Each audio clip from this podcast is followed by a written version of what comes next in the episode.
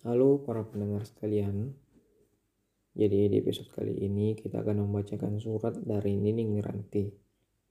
Sebuah keluh kesah yang akhirnya dia curahkan dalam bentuk tulisan di malam satu Ramadan. Selamat mendengarkan.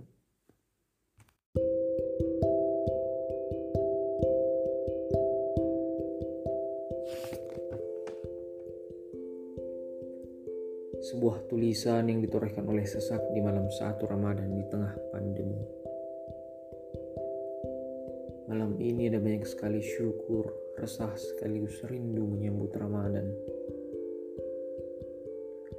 Syukur karena doa yang kita panjatkan setahun lalu agar kembali dipertemukan dengan Ramadan telah ia kabulkan.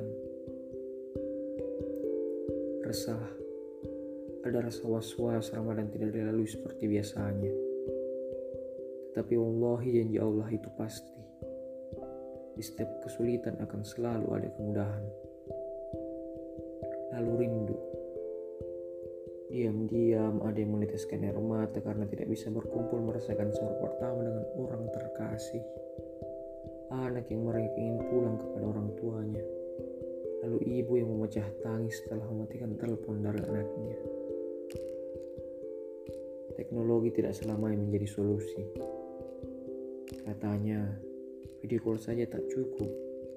Semuanya harus dibayar dengan temu, peluk, dan duduk bersama di meja makan. Mungkin keikhlasan kita benar sedang diuji dengan hebat. Semoga semakin berkah. Marhaban ya Ramadan.